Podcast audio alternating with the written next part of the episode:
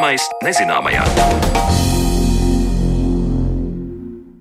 Esiet sveicināti ar jums kopā esmu es Sandra Kropa, un šodien raidījumā pievēršamies cilvēka uzvedībai un psiholoģijai. Karš Ukrainā no jauna liek mums domāt par cilvēka robežām, kurā brīdī cilvēks vairs nav cilvēks un zaudē savu cilvēcību un empātiju, kas tik ļoti raksturo mūs kā dzīves būtnes. Vai vardarbība un spēja būt nežēlīgam snauž ikvienā no mums, vai tā tomēr ir anomālija? Vai pasaulē ir sabiedrības, kur agresijas nav nemaz, vai tieši otrādi kur būt nežēlīgam ir absolūta norma. Par to šodien vairāk runāsim raidījumā, bet līdz tam uzzināsim, vai ar gēnu rediģēšanas metodu varētu mainīt dzīvnieku uzvedību un kādus ētiskus jautājumus tas raisa. Nē, reizi vien esam runājuši par gēnu rediģēšanu, kā vēstīja ASV Nacionālā zinātņu akadēmijas žurnāls, tad nesen veiktā pētījumā ar Kāmjiem tika novērots, ka izmainot vienu konkrētu gēnu šiem dzīvniekiem, tie kļuva agresīvāki. Vai ar gēnu rediģēšanas palīdzību var mainīt uzvedību un ko cilvēkiem dod šādi pētījumi, par to interesējās mana kolēģe Zane Lācis Baltalksne. Ar gēnu rediģēšanas metodi Sīrijas kāmju grupai tika izmainīts vazopresīns. Tas ir hormons, kas regulē ūdens izdalīšanos nierēs, kā arī sašaurina asinsvadus. Zinātnieku komanda, kas veica šo pētījumu, paredzēja sabiedriskuma un agresīvas uzvedības samazināšanos šiem dzīvniekiem. Taču, kā raksta prestižais ASV Nacionālās Zinātņu akadēmijas žurnāls saīsināti PNAS, Tad kāmji ar šo izmainīto hormonu bija daudz sabiedriskāki un vienlaikus arī agresīvāki. Un, ja reiz runa ir par gēnu rediģēšanu, metodi, ko dēvē par CRISPR, kuras īstenotājs pirms diviem gadiem arī ieguva Nobela prēmiju, tad kārtējo reizi rodas jautājums, kā tas būs nākotnē, kad ar gēnu rediģēšanas palīdzību varēs mainīt dzīvnieku un iespējams arī cilvēku uzvedību. Par to attālināti ierakstītā sarunā iztaujāju Latvijas Universitātes asociēto profesoru, biologu Indriķi Krāmu ir svarīgi saprast, ka mēs sevi realizējam dzīvē. Gan gudrības ziņā, gan skaistuma ziņā, gan skaistu rīcību vai ļaunu rīcību veidā tieši ar uzvedības palīdzību. Un tāpēc saprast, vai kaut kādas uzvedības formas ir iedzimtas vai tās attīstās uz kaut kāda iedzimtības pamata, kas ir mūsu gēnos, ir ļoti, ļoti svarīgi. Rakstā ir teikts, ka rezultāts zinātniekiem bija negaidīts. Tad kā zinot to vai citu gēnu uzbūvi un darbību, varēja neparedzēt, ka kāmji kļūs gan sabiedriskāki, gan arī vienlaikus agresīvāki. Rezultāts ir uh, gan gaidīts, gan, gan negaidīts. Paskaidrošu, kāpēc. No vienas puses, tātad, um, tas, ka ietekmējot vazopresīna kodējošo gēnu, tad, tad ietekmējot tādā ziņā, ka mēs viņu izslēdzam, tika iegūts rezultāts, tas, ko mēs īstenībā gaidījām. Bet tāds efekts nebija nekad pierādīts ar, ar CRISPR tehnoloģijas palīdzību. Nu, ziniet, tā ir gēnu inženierijas metode, par kuru tika iedota Nobela prēmija. Lūk, un ko tā metode dod? Tā metode dod, nu, ka tu kārtīgi piestrādā pie katra konkrēta gēna, izslēgšanas metodoloģijas, tu vari ļoti precīzi izslēgt vajadzīgo gēnu. Un šajā gadījumā tad, tas uh, vajadzīgais gēns tika izslēgts un tika iegūts rezultāts, ka kāmi kļuva sociāli. To mēs gaidījām, tāpēc, ka pastāvēja vēl trešā funkcija tam vazopresīnam. Tā bija, ka potenciāli tur varētu būt ietekme uz sociālo uzvedību. No citas puses, kas ir interesanti, ka tika atklāta arī agresijas palielināšanās. Tad, ir interesanti ieraudzīt šo jauno saikni, ka sociālitāte nāk kopā ar agresiju. Mēs esam pieraduši domāt, ka sociālitāte nāk kopsolī ar um, kaut kādām tādām altruistiski, tādām iekrāsotām uzvedības formām, bet uh, sociālitāte patiešām ir daudz daudzšķaitnaināka nekā mums varētu likties. Un patiešām noskaidrojās, ka sociālā uzvedība bez agresijas, nu, abas lietas iet kopsolī. Šis rezultāts ir ne tik daudz par bioķīmiju, ne tik daudz par uzvedības ģenētiskiem pamatiem, bet tā ir tāda uzvedības neirozinātne, zinātnes virziens, kas radies nu, burtiski pirms kaut kādiem 20, 25, 30 gadiem. Un, saprotiet, līdz ar to sanāk, ka kaut kādas jaunas lietas šajā jaunajā nozarē ir iespējams ik uz soļa, tāpēc ka mēs beidzot esam bruņojušies ar ļoti tādas precīzas, detalizētas fizioloģijas metodēm, mēs esam bruņojušies ar bioķīmiju, bruņojušies ar, ar ģenētiskām atziņām un uh, atklājot to, ka agresija nāk kopsolī ar sabiedriskumu, mums vēl ir ļoti, ļoti stipri jāapsver. Un acīm redzot, tas atklāja kaut kādus pilnīgi jaunus, līdz šim brīdim tādus nu, ne līdz galam izprastus horizontus. Kas esam mēs, kas ir sociālā uzvedība un kas ir sabiedrība kopumā. Gan. Katrs no mums varētu aizdomāties un samērā vienkārši atcerēties dažādas lietas, ka esot kaut kur kopā grupā ar kādiem citiem cilvēkiem, mēs reizēm izjūtam, vai nu mēs izjūtam agresiju, vai nu kāds izjūt agresiju pret mums. Acīm redzot, sabiedrība tomēr tiek veidota uz tādu spēku pamata, ka mēs tiecamies tuvāk viens otram, bet tāpat laikā acīm redzot, nav adaptīvi dzīvot sabiedrībā, kurā tevi var izmantot kaut kādi sociālie parazīti, kas uh, uzkundzējas mums ar saviem viedokļiem, kaut kādi sociālie parazīti, kas mūs piemāna. Tāpēc mums ir ļoti uzmanīgi jāizturas vienam pret otru, ir jāanalizē, ko katrs dara, un iespējams izjūtot uh, vismazāko netaisnību, pret sevi. Mums ir jāieslēdz aizsardzības mehānismi, un tas nav nekas cits kā vai nu vāja slēpta, vai nu neslēpta agresija pret citiem. Sabiedriskums kopā ar agresiju ir ļoti interesanta kombinācija, kas liecina par to, ka pētījumiem vēl nebūs gala, ka atklājumiem eh, arī nebūs gala, un mūs gaida priekšā vēl ļoti, ļoti interesantas lietas un iespējams pat Nobela prēmijas šajā sfērā. Bet atgriežoties pie minētajiem kāmjiem, tas, kas šobrīd notiek laboratoriskos eksperimentos, iespējams, ka nākotnē mēs varēsim mainīt nu, arī citu dzīvnieku uzvedību. Nu, piemēram, mājās ir agresīvs suns, un tad ar šo gēnu rediģēšanas metodi mēs to padarām par maigu un mīlīgu, vai arī otrādi. Tā problēma ir tāda, ka principā tad, tad mēs kaut kādā šūnas līmenī varam kaut ko tādu izdarīt, eh, ietekmēt organismu, kas tikko sācis attīstīties. Bet jau organismu, kas jau ir pilnībā izveidojies, nu, šādā veidā īsti ietekmēt nevar. Tāpēc, ka Tad tur bija runa par, tajā rakstā par receptoriem. Receptori vai nu ir, vai nu nav pret kaut kādu ķīmisko vielu, pret kaut kādu neurotransmitteru, neiromediātoru vai kaut kādām citām uh, aktīvām vielām kas vai nu atļauj mums ieslēgt vai izslēgt attiecīgās ķīmiskās reakcijas. Un, lai ietekmētu jau izaugušu organismu, mums ir jādod kaut kādas zāles, kas ietekmē šo uzvedību regulējošos, piemēram, receptorus.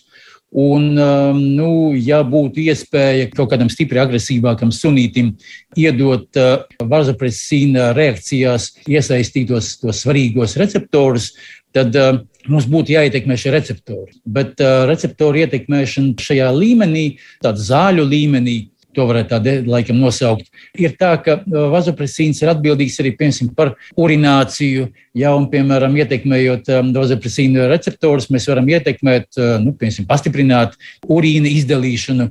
Un tāpēc ar šo uzvedību ietekmējošo bioķīmiju nemaz nav tik vienkārši. Mēs vienkārši parādām kaut kādu mehānismu, Bet, lai regulētu uzvedību, līdz tam mums vēl ir tās, tās ceļš ejams. Tāpēc, ka vai to pašu neiromediātoru, nu, kas ietekmē receptorus un dažādas receptorus, tādu neirotransmitoru ir vien pāri simtam. Tā, tā lieta nav tik vienkārša. Mēs vienkārši varam novērot kaut kādus atsevišķus efektus, bet salikt to puzli kopā, nu, mēs spēsim nemaz ne tik drīz par to, ka ar gēnu izmaiņas terapiju nākotnē varēs arī koriģēt cilvēkus, skeptisks ir arī nākamais sarunu biedrs Rīgas Stradiņa Universitātes humanitāro zinātņu katedras docents, bioētikas un medicīnas ētikas speciālists Ivars Neiders. Tā kā ģenētiski mēs uzvedību nespējam korrigēt, tad šobrīd nekādu kodeksu šajā jautājumā, vispār pieņemtu kodeksu šajā jautājumā nav. Taču No otras puses, tas nenozīmē, ka medicīnas etika un bioetika kopumā šie jautājumi netiek aplūkoti. Tā ir patiesībā diezgan tādas, nu, tāda joma, kas diezgan ļoti strauji attīstās. Šīs diskusijas par to, kā dažādu gēnu izmaiņu palīdzību izmaiņu genofonā palīdzību mēs varam, teiksim tā, veidot cilvēku pēc tā teikt, sevi viestiem, tas, ko mēs gribam no viņa iegūt. Ja tā tad bioetikā to parasti sauc par šo cilvēku ģenētisku uzlabošanu. Tad es saprotu, ka pagaidām pat runas par šādām gēnu izmaiņām ir teju utopiskas un nav jāuztraucas, ka nākotnē tas varētu būt labs medicīnisks ierocis, kā izveidot perfektu cilvēku. Problēma ir tāda, ka mēs jau nezinām, kāds ir tas perfektais cilvēks. Tajā nozīmē, ka īpaši, mēs runājam par kaut kādām šīm uzvedības īpatnībām. Proti, ja vēl par fizisko veselību, tad nu, tur mums būtu apmēram skaidrs, ko nozīmētu nu, pēc iespējas vesels cilvēks. Ja tā tad tāds cilvēks, kuram gandrīz nav nekādu pārmantojumu slimību, ja, kuras mums šobrīd ir. Ja. Un tad, ja mēs runājam par kaut kādām raksturīzīmēm, tad mēs jau, kā mēs, mums nav nekādu tādu skaidru kritēriju par to, kas tad būtu perfekts cilvēks šajā nozīmē. Nu, proti, mēs nezinām, vai labāk ir būt introvertam vai ekstravertam. Kādam cilvēkam ir labāk būt, bet te, protams, ir, ir daudz tie jautājumi, ir nošķirami arī par šo pašu nu, somatisko, jau fizisko veselību. Ja mēs runājam, tad jau šeit ir diskusijas par to, cik tālu un kādas tieši ģenētiski rakstura iejaukšanās ir pieļaujams. Nu, šobrīd tāda būtiska robeža, uz kuru daudzi uzstāja, un tā arī fiksēta ir ētikas kodeksos, kas šīs prakses regulē. Ir šis nošķīrums starp tā saucamo somatisko gēnu terapiju un dzimumu šūnu gēnu terapiju. Tātad atšķirība šajā gadījumā ir starp to, kādas šūnas tiek izmainītas. Ja tiek izmainītas tikai somatiskās šūnas, tad šādas izmaiņas tiek akceptētas. Tādas mēs drīkstam veikt, un dzimumu šūnas tās tad nē. Tas, tas galvenais iemesls ir tāds, protams, kā šīs izmaiņas somatiskās terapijas gadījumā neiekļūst kopējā tātad, genofondā, ja tā, tās iet bojā līdz ar šo organismu, personu, kurai viņas ir izdarītas. Ja, bet, ja mēs iejaucamies dzimumu šūnās, tad šīs izmaiņas tiek nodotas tālāk. Ja, un te šeit, protams, parādās jautājumi nu, tad, tad par to, kādu veidu lielākas vai mazākas sekas tas var izraisīt.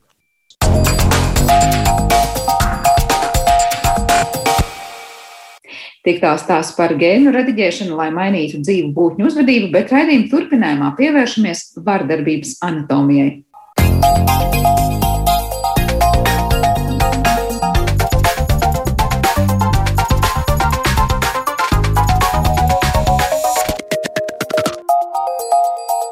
Zināmais nezināmajā.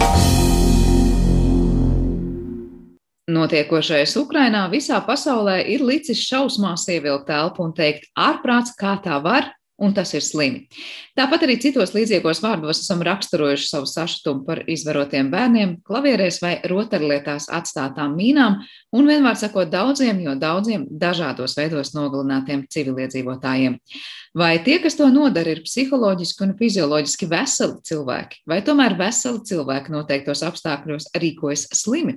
Kas par to visu ir zināms pētniekiem un cik daudz par vardarbības cēloņiem ir izpētīts psiholoģijā? Par to visu sarunu šodien ar mūsu attālinātās studijas viešņām - klinisko psiholoģiju, kognitīvi behaviorālo psihoterapeitu Mariju Abeltiņu kā arī sociāla antropoloģija un Latvijas Universitātes asociēto profesoru Aivitu Putniņu.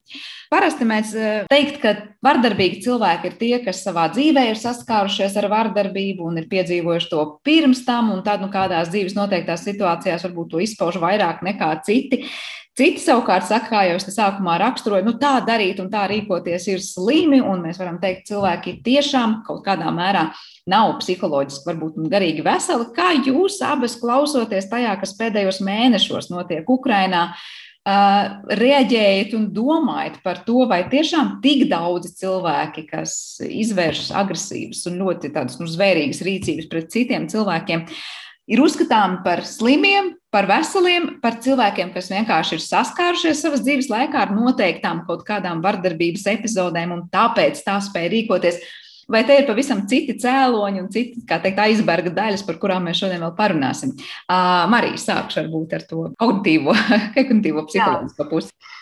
Nu, man ir jādomā par daudziem dažādiem tematiem, protams, ka, protams, ka es domāju arī par, par, par tā saucamajiem personības traucējumiem, jā, kurus varbūt tādā ikdienas valodā cilvēki, nu, tā kā, tā, tas nav tāds termins, bet dažreiz cilvēki sauc par psihopātiem, jā, vai par cilvēkiem, kas ir līdzīgi tiem, kas, nezinu, maņaki, kas nogalina entos cilvēkus un spīdzina.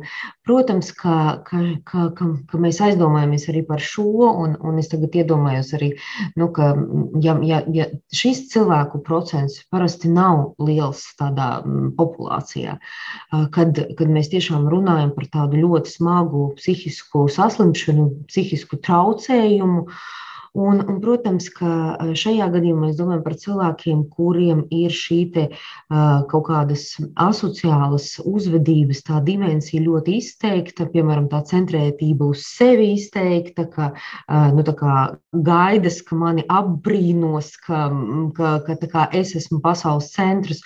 Un, protams, ka empātijas trūkums, jā, tāds nu, viss, vis, kas tajā ietilpst. Jā. Un, jā, tur, tur, tur mēs varam domāt par bioloģiskiem un, un tādiem sociāliem un dažādām citām lietām. Bet, protams, ka nu, tas nav tā, ka visi tie cilvēki, kas pastrādā arī šos noziegumus, kara noziegumus un, un, un piedalās tajā genocīdā, ka viņiem visiem mēs varēsim tagad konstatēt tos personības traucējumus. Tas tā otra daļa, par ko, par ko man ir daudz jādomā, šos pašus jautājumus, ko jūs uzdevāt, ja, no šos pašus jautājumus cilvēki prasa prasīja arī pēc otrā pasaules kara, nu, adresējot tā skaitā psihologiem, antropologiem. Un, jā, nu, kā, kas, kā tas varētu būt, ka vienkārši miermīlīgi cilvēki pēkšņi ir piedalījušies nu, nu, tādā absolūtās zvērībās. Nu, nu, kas tas ir? Tā bija kaut kāda infekcija vai kas tur ir noticis. Ja? Un, protams, ka nu, tie eksperimenti, kas man tie pirmie nāk prātā, mēs varam vairāk viņiem iedziļināties pēc tam, ir, uh, ir tie, kas ir saistīti ar šo dehumanizāciju vai kādai cilvēku grupai, kad mēs nu, kaut kādā ziņā mēs pierodam par viņu domāt kā ne par cilvēkiem, vai mūs pieradina. Jā, šajā gadījumā ļoti daudz tiek runāts arī par propagandas ietekmi, jā, kad par konkrēto cilvēku daļu tiek pieradināts domāt kā ne par cilvēkiem. Un kaut kādā ziņā tie pētījumi, un es domāju par, tieši par Suzanu Fiske, uh, parāda, ka arī smadzeņu darbība šajā gadījumā sāk, mūsu smadzenes sāk reaģēt kā uz akmeni, kā uz priekšmetu, kā uz koka gabalu. Ja? Un tādā ikdienas sabiedrībā visbiežāk tie ir bezpajumtnieki kuriem nu, tāds, nu, mēs viņus dažkārt vienkārši neredzam. Ja? Bet šajā gadījumā, otrā pasaules kara gadījumā, tie bija ebreju kopienas cilvēki, ja? krievu propagandas ietekmēt ir jebkurš ukrainis, ja? kas nu, kā, turpat tie vārdi, kas tiek lietoti, tie nav par cilvēkiem. Un ka šis fenomens, diemžēl, var skart jebkuru, Un tad man, protams, nāk vecie pētījumi, kas bija 60. gados, miligrama pētījumi par pakļaušanos autoritātei noteiktos apstākļos un labai idejai, ja, kuru tiek labi iepārdota.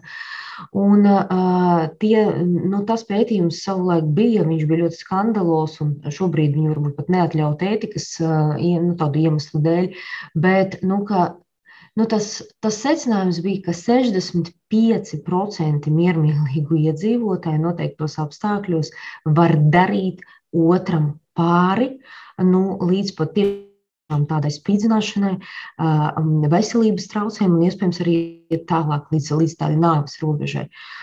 Un tas ir kaut kas tāds, ko es zinu arī lasot dažkārt studentiem lekcijas. Un es saku, mīļie, nu, 65% tas ir divas trešdaļas arī šeit no mūsu auditorijas.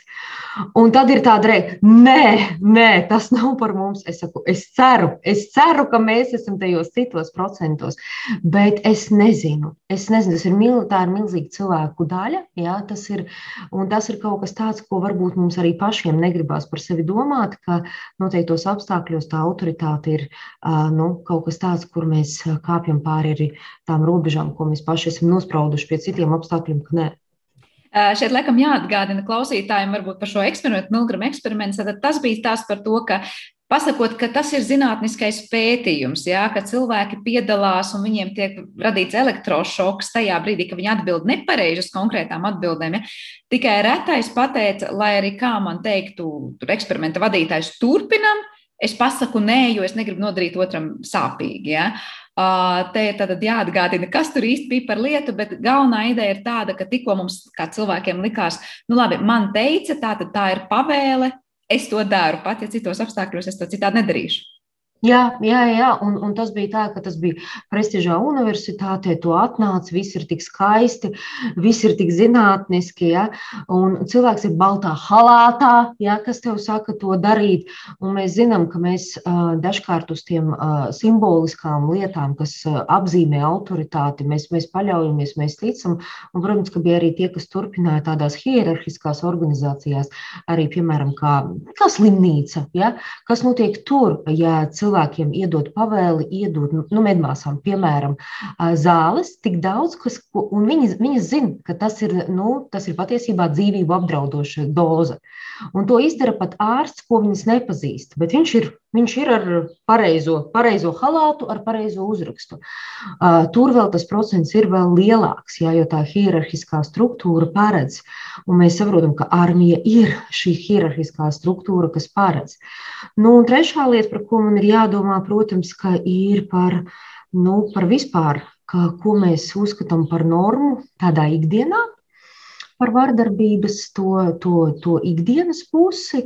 Jā, un, un vai gadījumā, nu, kā mums iet ar to, ka kāda no grupām varbūt ir privileģēta nedaudz vairāk to vardarbību izpaust un, un realizēt. Un, un, protams, ka es aizdomājos arī par, par to, nu, kas notiek arī Krievijā, jā, kas ir piemēram mājas apstākļos, jā, šī vardarbība ģimenē. Jā, es nevaru arī par to nedomāt, jā, kas nereti arī pie mums ir kaut kas tāds. Eh, Nu, cik var par to runāt, un nu, tas ir kā, kaut kas tāds, ja visi ir noguruši, un tur lai viņi paši tiek galā. Jā. Protams, ka arī tas ir kaut kas, par ko es domāju šajās dienās. Par šo es noteikti arī vēl papildus pajautāšu, un es domāju, ka šajā pusstundā mēs par to parunāsim. Es Aivitai gribu arī dot vārdu, paskatīties no sociāla antropoloģiskās puses uz to, ko tikko Marija savukārt teica. Kā jūs raugāties uz to notiekošo? Jūs arī varat iedalīt, var teikt, nu, tādos tā kā cēloņu sakarību kaut kādos punktos, kas skaidrotu cilvēku uzvedību. Jā, nu, antropoloģija ir daudz pētījusi vardarbību un, un, un karu, varbūt tādā globālā perspektīvā un raugoties uz cilvēkiem ar kā sugu. Un tad tur ir tādas trīs galvenās pieejas, un, un viena ir tāda evolucionārā antropoloģija, proti, skatoties cilvēkus kā homo sapiens sapiens citu sugu salīdzināt Un, un tad tur ir pat vesels divas pretrunīgas teorijas, proti, ka cilvēkus ir raksturojušas rūpes vairāk vienam otru, salīdzinot ar citiem dzīvniekiem. Un otra teorija ir, ka cilvēki varbūt ir pat vēl, vēl nežēlīgāki viens pret otru. Un, Un tad pēdējā laikā tās teorijas ir satikušās, un tiek teikts, ka tāda kalkulēta, premeditēta vardarbība ir raksturīga tieši cilvēkiem, kā sugai, kamēr citiem dzīvniekiem ir vairāk raksturīga tāda nu, reaktīvā, spontānā vardarbība. Ja mūsu tuvākie radinieki šimpanzes, tad viņi evolucionāri ir vairāk uz šo spontāno vardarbību, un cilvēkiem tā ir atkal salīdzinoši zema. Un, un, un tas ir viens no tiem, un, un šie abi vardarbības veidi, par tiem ir atbildīgi atkal atsevišķi dažādi centri smadzenēs. Un, un tas ir nu, Bet šis skaidrojums atkal krietnai daļai antropologu nav pieņemams, tad nāk tāds kultūras līmenis, proti, ka antropologi ir konstatējuši, ka ir izteikti miermīlīgas kultūras un sabiedrības, kur, kuras ir egalitāras, kur vardarbība netiek piekopta principā. Ir arī sabiedrības, kur kādos periodos netiek eh, vardarbība piekopta. Un to mēs arī redzam, piemēram, kā tehnoloģija, kā šaujamieroču ienākšana kultūrā maina attiecības. Piemēram, Sudānā eh, ņūēri un, un, un dinkas, kur ir savā starpā eh, karojuši, un tur tādas sirojuma attiecības ir bijušas. Ejot pēc lopiem, bet ir ļoti bijis stingrs kodeks. Proti, tā kā viņi nogalinājuši šķēpiem, Nu, cilvēku redz, ko tu nogalini, un nogalināt drīkst tikai vīrieti. un tas vīrietis paslēpjas pie sievietes, tad viņi nenogalina. Un tad vecs cilvēks, bērns, sievietes nenogalina, ja tur kaut kas nav pēc noteikumiem, tad ir um, jāmaksā asins nauda. Un, un tas, kas ir noticis ar šaujamieroču ieviešanu, ka tagad tiek nogalināts pilnīgi jebkurš, tāpēc, ka tu neredzi, ko tu nogalini, un tas uzreiz maina visu šo kultūras dinamiku un, Un Sudānā joprojām ir um, šī kara darbība klātesoša, tāpēc, ka tiek noņemta šīs normas arī nu, tai, tai licencētai vardarbībai. Un tad pēdējās desmit gadēs tiek runāts ar līdzīgi par to, ko Marija teica, proti, ka tas ir vēl kompleksāk, proti, ka tur ne tikai šie bioloģiskie kultūras lietas ir. Un, Bet arī attiecību jautājumi, proti, skatoties uz Braunu kurš arī skatījies, ir policijas bataljoni, kur veidojuši lielākoties vācu strādnieki dalību ebreju slaktiņos Polijā. Un tā bijusi brīvprātīga darbība. Un, un, un tad, kā, kāpēc tie cilvēki tur ir parakstījušies? Un tāpēc, ka viņiem ir kaut kāda savstarpējā solidaritāte, ka tu negribi izlekt. Un, un kas ir tas varbūt pārsteidzošākais, ka tā motivācija, kāpēc viņi tās zvērības ir darījuši, ir ļoti dažāda. Vienam tā ir bijusi kaut kāds naids pret ebrejiem. Vēl viens ir šāvis tikai bērnus, tāpēc, ka viņiem bija žēl, ka tie nabaga bērni nevarēs bez mātēm izdzīvot. Vēl tur viens majors, tas ir pēc katras šaušanas raudājis, cik viņam sevis ir žēl, ka viņam tagad ir tas jādara un, un ka viņš nevar to nedarīt. Un, um, un tāpēc arī Kleinmans un, un Fitzhenrijs raksta par to, ka, proti, ka tie ir visi šie dažādie faktori plus uh, starp subjektivitāti. Proti, ka cilvēki nonāk tādā situācijā, ne viņi domājuši to darīt, ne viņi plānojuši, bet kaut kā tie apstākļi notiek, ka, ka šādā veidā nu, tā kombinācija izstrādājās. Un, Un par to ir arī daudz runājuši karavīru mātes, jo, piemēram, Čečenijas kara gadījumā, kur uh, pilnīgi normāls puika, kurš audzis labā ģimenē, Pēterburgā, gājis mūzikas skolā, kuram ir draudzene. Viņš aizbrauc uz Čečeniju, viņš paliek uz vēru, kurš izvaro sievietes. Un, un turklāt nāk atkarīgu, izraisošu vielu lietošana, kas ļauj šo uzvedību nu, vēl vairāk uh, palaist vaļā. Uh, un, uh, Un, un, un tad tās mātes var uzdot to jautājumu, kurš ir dēls, kurš ir empātisks, kurš ir labi audzināts, māca ar visiem galda piedarumiem rīkoties tā kā vajag, kas viņām nu, liek palikt bez vēru, un, un kas vēl trakāk, un kā viņš pēc tam dzīvos. Cik tālu ir atbildes tam? Es nezinu, varbūt Marijas virzienā arī skatos, varbūt Aivit vēl papildinās. Tajā brīdī, kad jūs teicāt, nu, piemēram, šis pats Čečenijas kara gadījums un, un šis puisis, kas varbūt tiešām ir bijis tur kulturāls un, un liekas adekvāts un normāls, pēkšņi kļūst par zvēru. Jautājums, kas lika tajā situācijā, tomēr viņam nu, neapstāties un pateikt, stop, es kaut ko tādu nevaru izdarīt, varbūt mums šobrīd nu, pie galda sēdošiem liktos. Es droši vien tādā situācijā tā nevarētu darīt. Ja? Un tad droši vien katrs, kurš ir piedalījies pētījumā, arī pirms tam būtu teicis, tā nevarētu. Uh, Marija. Nu, jā, es domāju, ka nu, par konkrēto saukumu mēs tiešām neatbildēsim, kas, kas, kas tur notika, bet mēs varam fantazēt, ka jā, vai, vai tā bija, nu, tā kā viņš bija ļoti pieklājīgs un pieradis arī klausīties autoritātēm, jā, vai tā bija, nu, tā kā autoritātes pavēle, jā, kas kaut kādas lietas, arī bioloģiskas vai, vai tādas kaut kādas instinktīvas, nu, tā kā aizskāra, vai arī ļoti labi bija pastrādājuši tie, kas, nu, tā kā tas, ko mēs saucam par smaziņu skalošanu, nu, kas arī varbūt armijas nu, cilvēki. Ja? Un, un arī tas fenomens, ko psiholoģija, ko Aivita jau pieminēja, psiholoģija to bieži par, par to runā kā par konformismu fenomenu, ka mēs nu, grupā mēs kļūstam savādāki nekā mēs esam individuāli. Ja? Un ka šis neredzamais grupas spiediens, ka visi, uh, uh, nu, visi to dara, Jā, visi to dara. Un tad jautājums, jā, kā es iekļaujos grupā, un dažreiz tas ir pilnīgi neapzinātas lietas. Tas nav tā, ka es sēžu un tur baigi pārdomāju, kā es tur tagad iekļaušos. Ja? Un ka tā uzvedība ir absolūti normalizēta kaut kādā brīdī. Un es atceros, kad arī Ukrainā sākās karš, mēs sazinājāmies ar uh, resursu centru Mārta, un uz 8. marta mēs arī tādu kopīgo relīzi palaidām, kad vēl nebija zināms par visām tām zvērībām. Vēl nebija uh, viss tie kadri no Bučas pilsētas atnākuši līdz mums. Un tas, par ko mēs nu, mēģinājām brīdināt, ka tūlīt mēs sāksim uzzināt informāciju par šo, par šo genocīdu citām izpausmēm. Ne tikai šaušanu, ne tikai bombardēšanu, bet tieši šo izvarošanu, tieši bērnu pakļaušanu visādām, visādām zvērībām.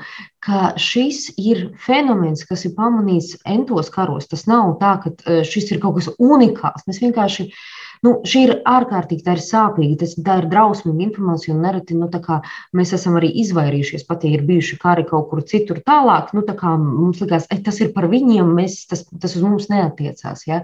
Bet tā ir realitāte, ka šādi karo, un, un nu, kad, kad, tas, kad tas notiek tajās kara, kara darbībās, un šīs ir ievainojamās grupas, ja, kuras ir īpaši nu, miermīlīgi dzīvo, iedzīvotāji, kuriem nav, nav šaujamieroču. Ja, tu, tu, tu vari iet un, un darīt nu, gandrīz vai ko tu gribi.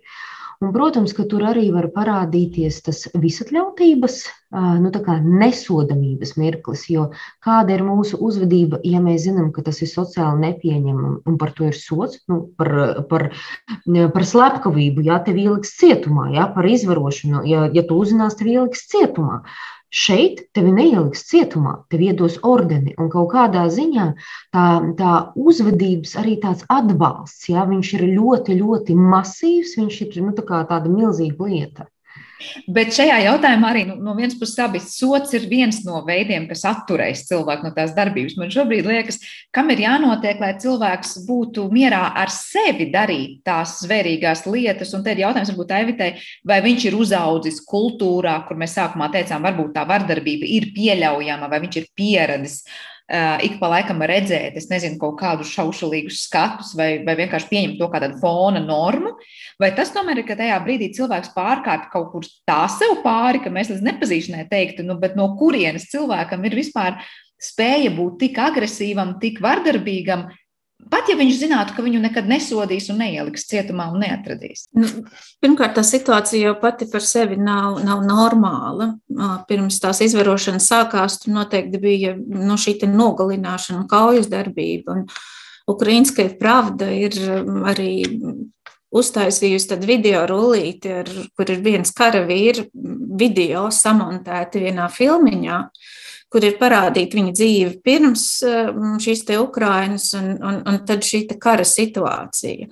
Un tur jau var redzēt nu, tos, tos momentus, ka nu, tur ir alkohola lietošana bijusi, kas nu, galīgi parasti ir un noteikti maskulinitātes kultūra, nu, kur cilvēkam uh, uh, Tas arī ir zināms, ka vīrieši, kuriem nav uh, citu resursu, un viņi mēģina sev parādīt savu šo vardarbību, un teiksim, arī šaušanas uh, Amerikas skolās lielākoties uh, Tie ir baltie zēni vai zēni, kuriem nu, nav citu izrādīšanās resursu, ir ārkārtīgi liels spiediens šo vīrišķību un, un statusu izrādīt. Bet, nu, Pie mums, piemēram, vīrieši jauni nositās ar mašīnām, braucot sliktas kvalitātes mašīnām. Un, nu, vienīgais, ko tur var izrādīties, ir nu, agresīva braukšana.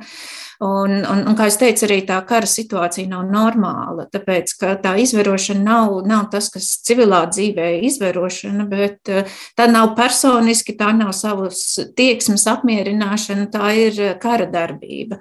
Un tāpat ir nu, tāda varbūt mazāk riskanta kara darbība nekā nostāties kādam pretī, kuram ir ierocis. Un tāpēc ar tiem mierīgi iedzīvotāji paliek vai upuri, tie, tie droši upuri bet cilvēks var nu, salīdzinoši droši sev ar, ar mazāku risku izdarīt to pašu, kā nu, nošaujot kādu pretinieku, kas, kas būtu nu, vīrietis. Un, bet, bet izvarojot sievietes un bērnus, viņš šos pretiniekus tādā veidā pazemo. Un sievietes un bērni pat nav personi šajā situācijā, viņi vienkārši ir objekti.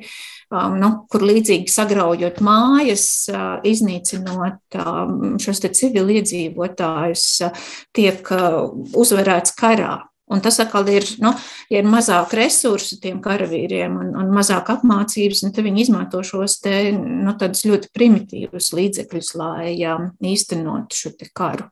Tad sanāk, ka izvarošana karā nav vienādības zīme ar izvarošanu jebkurā citā situācijā. Tas, kas vada to cilvēku tajā brīdī, kad viņš kļūst par izvarotāju. Jā, nu, to mēs redzam, tāpēc, ka izvarot tiek bērni, vecas sievietes, nu, un tas nav saistīts ar kaut, nu, tiksim, tādu nu, intīmo seksuālo dzīvi. Marija gribēja kaut ko piebilst. Es redzēju, ka viņa, kā saka, māja ar galvu. Mēs māja ar galvu, jā, par to, par to ka, jā, ka tas ir tā genocīda sastāvdaļa un tas ir tas tiešām kara instruments, diemžēl. Un, jā, man liekas, ka nu, tas, kas ar mums arī notiek, dažkārt skatoties filmas vai vēl kaut ko, karš tiek ļoti romantizēts. Jā, un, un tad, kad mēs ieraugam, kas ir, kas ir tā realitāte, tas arī var nu, ļoti daudziem radīt to milzīgo šoku, kā, kā, kā tas notiek. Īstenībā, jā, kā tas notiek tādā realitātē.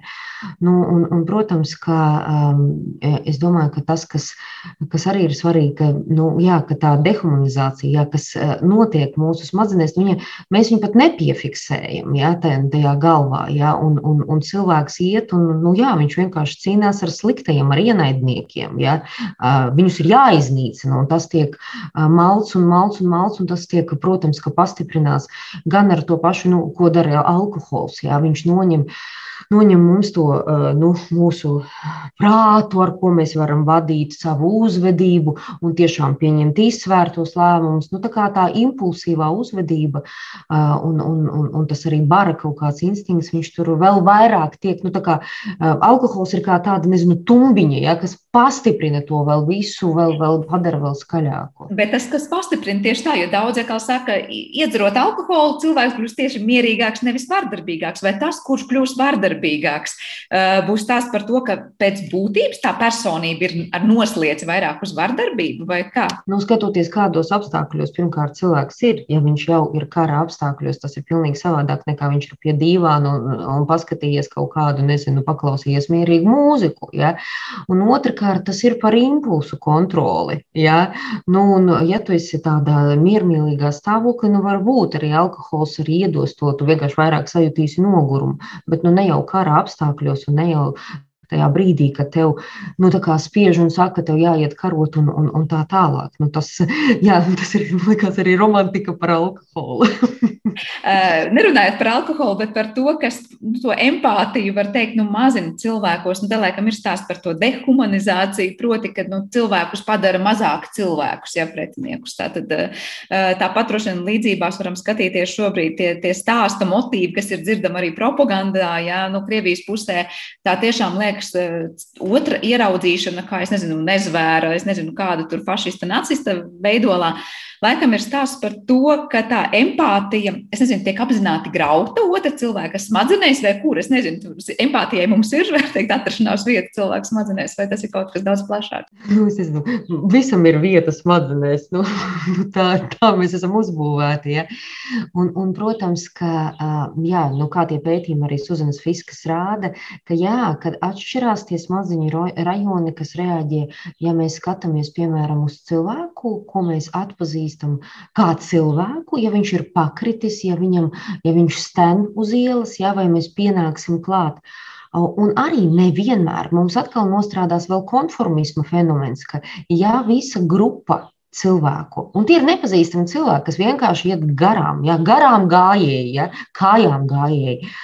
Ja visi iet garām, mums būs jau jāpārvar tāda iekšējā pretestība, iet pret straumi un aiziet paskatīties, kas ir noticis ar to cilvēku. Bet ja viņš, un, un tie arī ir visādi eksperimenti sociālās psiholoģijas, ja par, par garām gājējiem, kad ja tas cilvēks ir labi ģērbts, ja, mēs viņu atpazīstam, nu kā uzreiz kā cilvēku, ir lielāka iespējamība, ka pienāks klāt. Ja tas eh, piederās pie tās grupas, kas bieži vien tiek dehumanizēta, saukāta visādos vārdos, ja, nu, kā eh, bezpajumtniekus arī visādos vārdos tur sauc, un arī nu, dzērāja alkoholu, ai, tie tur. Un, un, un, un tajā mirklī, jā, mums ieslēdzās citi centri, nav par empātiju. Nu, nu, kāda empātija pret akmeni, kas, kas ir gar malu tur mētājās? Nu, nav nekāds tur empātijas, viņš tur mētājās. Aivita, laikam, bija piebilde. Jā, man ir piebilde, ka patiesībā tur ir empātija, bet tā empātija pret savējiem, vēl tās mantas, kas tiek nozagtas Ukrāņiem, tiek sūtītas mājās, un tā ir empātijas izpausme. Un, un tur arī skatoties uz uh, tām kultūrām, kuras tad ir vardarbīgas, nu, tad, tad tur ir ārkārtīgi augsts nu, tāda izo, izolējoša etnonacionālisma izpausme, tā ir nu, tāda aizvērtība, nu, proti, ka tās labās īpašības tad ir tās manas grupas iekšienē, un tas tad atkal pastiprina šo naidu pret citām grupām. Un tāpēc tur ir tāds paradoks, ka vienmēr būs šī empātija pret savējiem un solidaritāte, kura tad eh, pastiprina šo zvērību pret pārējiem, kas, kas tur nepiedara. Un um, Putina ideoloģija arī nu, ļoti veiksmīgi izmanto šo cilvēku stīgu, un, uh, un, un, un cilvēki tiek solidarizēti uh, caur naidu pret uh, pārējiem, kas nav piederīgi viņu grupai sevi, sevi, sevi nošķirt un atrast, protams, ienaidnieku ilgstoši ārpus savas grupas, laikam arī ir tāds nu, pakalpojums, ko izdarīt tajā brīdī, lai cilvēks tiešām tā sāktu uzskatīt un domāt. Bet te mēs laikam nonākam pie tā, cik ļoti atbildīga ir šī propaganda un tas, ko mēs klausamies, skatāmies un kādus vēstījumus radām un kā tos iepakojam, jā, cik ļoti patiesībā tas visbeig beigās um, noved tiešām pie reālas vardarbīgas rīcības cilvēkam konkrētajos apstākļos. Jā, jā, noteikti. Es domāju, ka, ka, šī, ka šis, šī situācija parāda, cik ļoti ir svarīga dem, demokrātija un dažādas demokrātijas vērtības. Jā, un atkal, daudz teiks, tas nav ideāli. Jā, tas nav ideāli, bet tas ir nu, nekas labāks nav tādā sabiedrības līmenī, man liekas, izdomāts. Jā, ka mēs tiešām, un tad liekas, nu, cik var runāt par to toleranci, jā, nu, cik var tur vēl kaut ko. Nu, tieši tāpēc, ka mēs esam ļoti trausli, ja domā no, arī no tādas psiholoģijas viedokļa, mēs esam ietekmējami. Ja? Un, un ja tie mehānismi sāk darboties tādā jaudā kā valsts mašīna, ja? mašinērija, nu, nu tas, tas, ta, tam ir ļoti grūti stāvēt pretī. Jā, mēs, protams, visi gribētu ticēt, ka mē, nu, mēs jau nepakļautos. Jā, bet, bet arī skatoties uz to pašu mēdīju pratības līmeni, arī nezinu, ar, ar pandēmijas jautājumiem, nu, nu nebija tā, ka mēs visu šo kontrolu darbu bijām izturējuši. Jā. Tāpēc es domāju, tas, ka, nu, ka tāda nu, kvalitatīva informācija, pieejamība un, un, un, un šī tiešām demokrātiskie instrumenti, instrumenti tādā sabiedrības līmenī, tas ir ārkārtīgi svarīgi. Ja mēs uh, dažreiz pārvērtējam savus spēkus attiecībā uz tādu uh, sistēmas jāspēku. Jā, laikam, klausoties Marijā, liekas, tas nāk prātā, cik bieži, es domāju, tas, ko es jau minēju, vairāk pētījumu arī varbūt dalībnieki teikt, es tā noteikti nedarīšu. Mēs pat nezinām, kuros apstākļos patiesībā cilvēks var rīkoties tā, kā tas rīkojās. Bet noslēdzot šo sarunu, es gribēju vēl pavaicāt, kas varbūt nav gluži ar vardarbību tiešām mērā saistīts jautājums, bet vēl viena šokējoša lieta Ukraiņas kara kontekstā, ko mēs redzējām, ir nu, šie Krievu karavīru uzvedība vietās, kuras viņai sevis atstāja. Un cilvēkiem bieži radās jautājums, nu kā, kā var vienā un tajā pašā vietā ēst, gulēt un nokārtot dabiskās vajadzības. Un liekas, kas tam cilvēkam tajā brīdī liek uzvedties tā? Un tā es aivits virzienā skatīšos un teikšu, tā ir kultūra, kurā, es nezinu, ciemats, kurā ir uzaudzis, un viņš visu laiku ir apkārt redzējis sev bardaku un, es nezinu, neprasīgumu pret savu kaut kādu apkārtējo vidi. Vai tas ir atkal kaut kādi pilnīgi citi psiholoģiskie faktori, kas mūsos notiek tajā brīdī, un cilvēks aiz sevis vienkārši maksimāli grib atstāt pēc iespējas nekārtīgāku vidi, līdzīgi kā jūs teicāt, tas ir arī ierocis, kā karot, vai kā jūs to skaidrot? Nu, tā nav atkal tāda nu, normāla situācija tādā ziņā. Nu, cilvēks droši vien mājā tā nerīkojās, bet mēs varam par šo te varbūt labāk saprast, ja mēs paskatāmies uz mūsu daudzdzīvokļu māju kāpņu telpām. Jo līdz mājai iela ir satīrīta, to dara sētnieks, un kāpņu telpā notiek kaut kādas briesmīgas lietas. Tur ir apzīmēts, parasti netīrs, piecūkots lifts, arī tāds pats ir. Un šitais turpinās līdz paklājiņam. Un tad paklājiņš jau ir tīrs, un tad dzīvoklis ir atkal sakopts. Un, un tas ir jautājums par šīm zonām, kā mēs uh, uztveram to. Un tad tā kāpņu telpa ir ne īsti publiskā, ne, ne īsti privātā telpa. Un līdzīgi arī tā iekarotā zeme ir nu, tāda netelpa kurā tad darbojās pavisam citi noteikumi. Un, un to mēs arī Latvijā redzam, nu, kāpēc cilvēks piecūko, teiksim, mēžu, jā, bet, nu, neiet, teiksim, uz parku to darīt. nu, tas nav kaut kas nu, tāds ārkārtīgi unikāls, un mēs varam sakam, jā, ka viņi, viņiem tagad ir slikta kultūra, ja mēs šādā veidā, nu, mēģinām to, nu, mēs, mēs esam līdzīgi kā viņi, ka mēs mēģinām atkal sevi nostatīt, kā mēs esam labāki, gudrāki. Un, un kādreiz tā ir, ka tā nu, netolerance un agresija, kad mums tad ir jāizstāvās pa visu vārī pret tiem pārējiem, nu, mēs, mēs esam ārkārtīgi līdzīgi tām agresīvajām nācijām. Tas agresijas līmenis Latvijā pat labi arī ir uzkāpis. Un, Un katram ir tā sajūta, ja tas ir pat taisnīga lieta, tad man ir tiesības būt agresīvām. Un, un, un, un Krievijā ir tieši tāpat. Un es domāju, ka mēs viens otru varam nu, tīri pat labi saprast un esam tā tādi spoguļu attēli. Nu, vienīgais mūsu, mūsu tā, no nu, cīņa un viedoklis mums liekas morāli pareizi un atbalstām.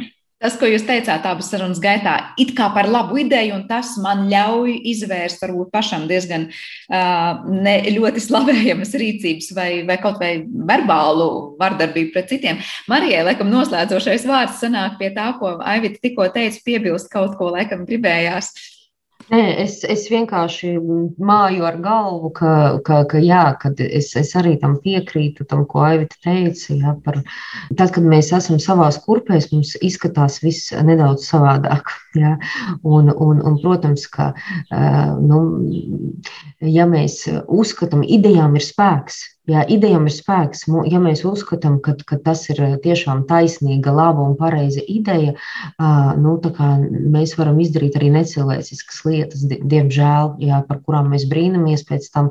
Un es domāju, tas, kas arī bija pie, pēc otrā pasaules kara, arī ar daudziem vāciešiem, kas notika, tas jau nebija tā, ka viņi tur visi bija maņķi, ja pēkšņi, ja, kas pff, mums ir vienalga, ja, kas te notiek.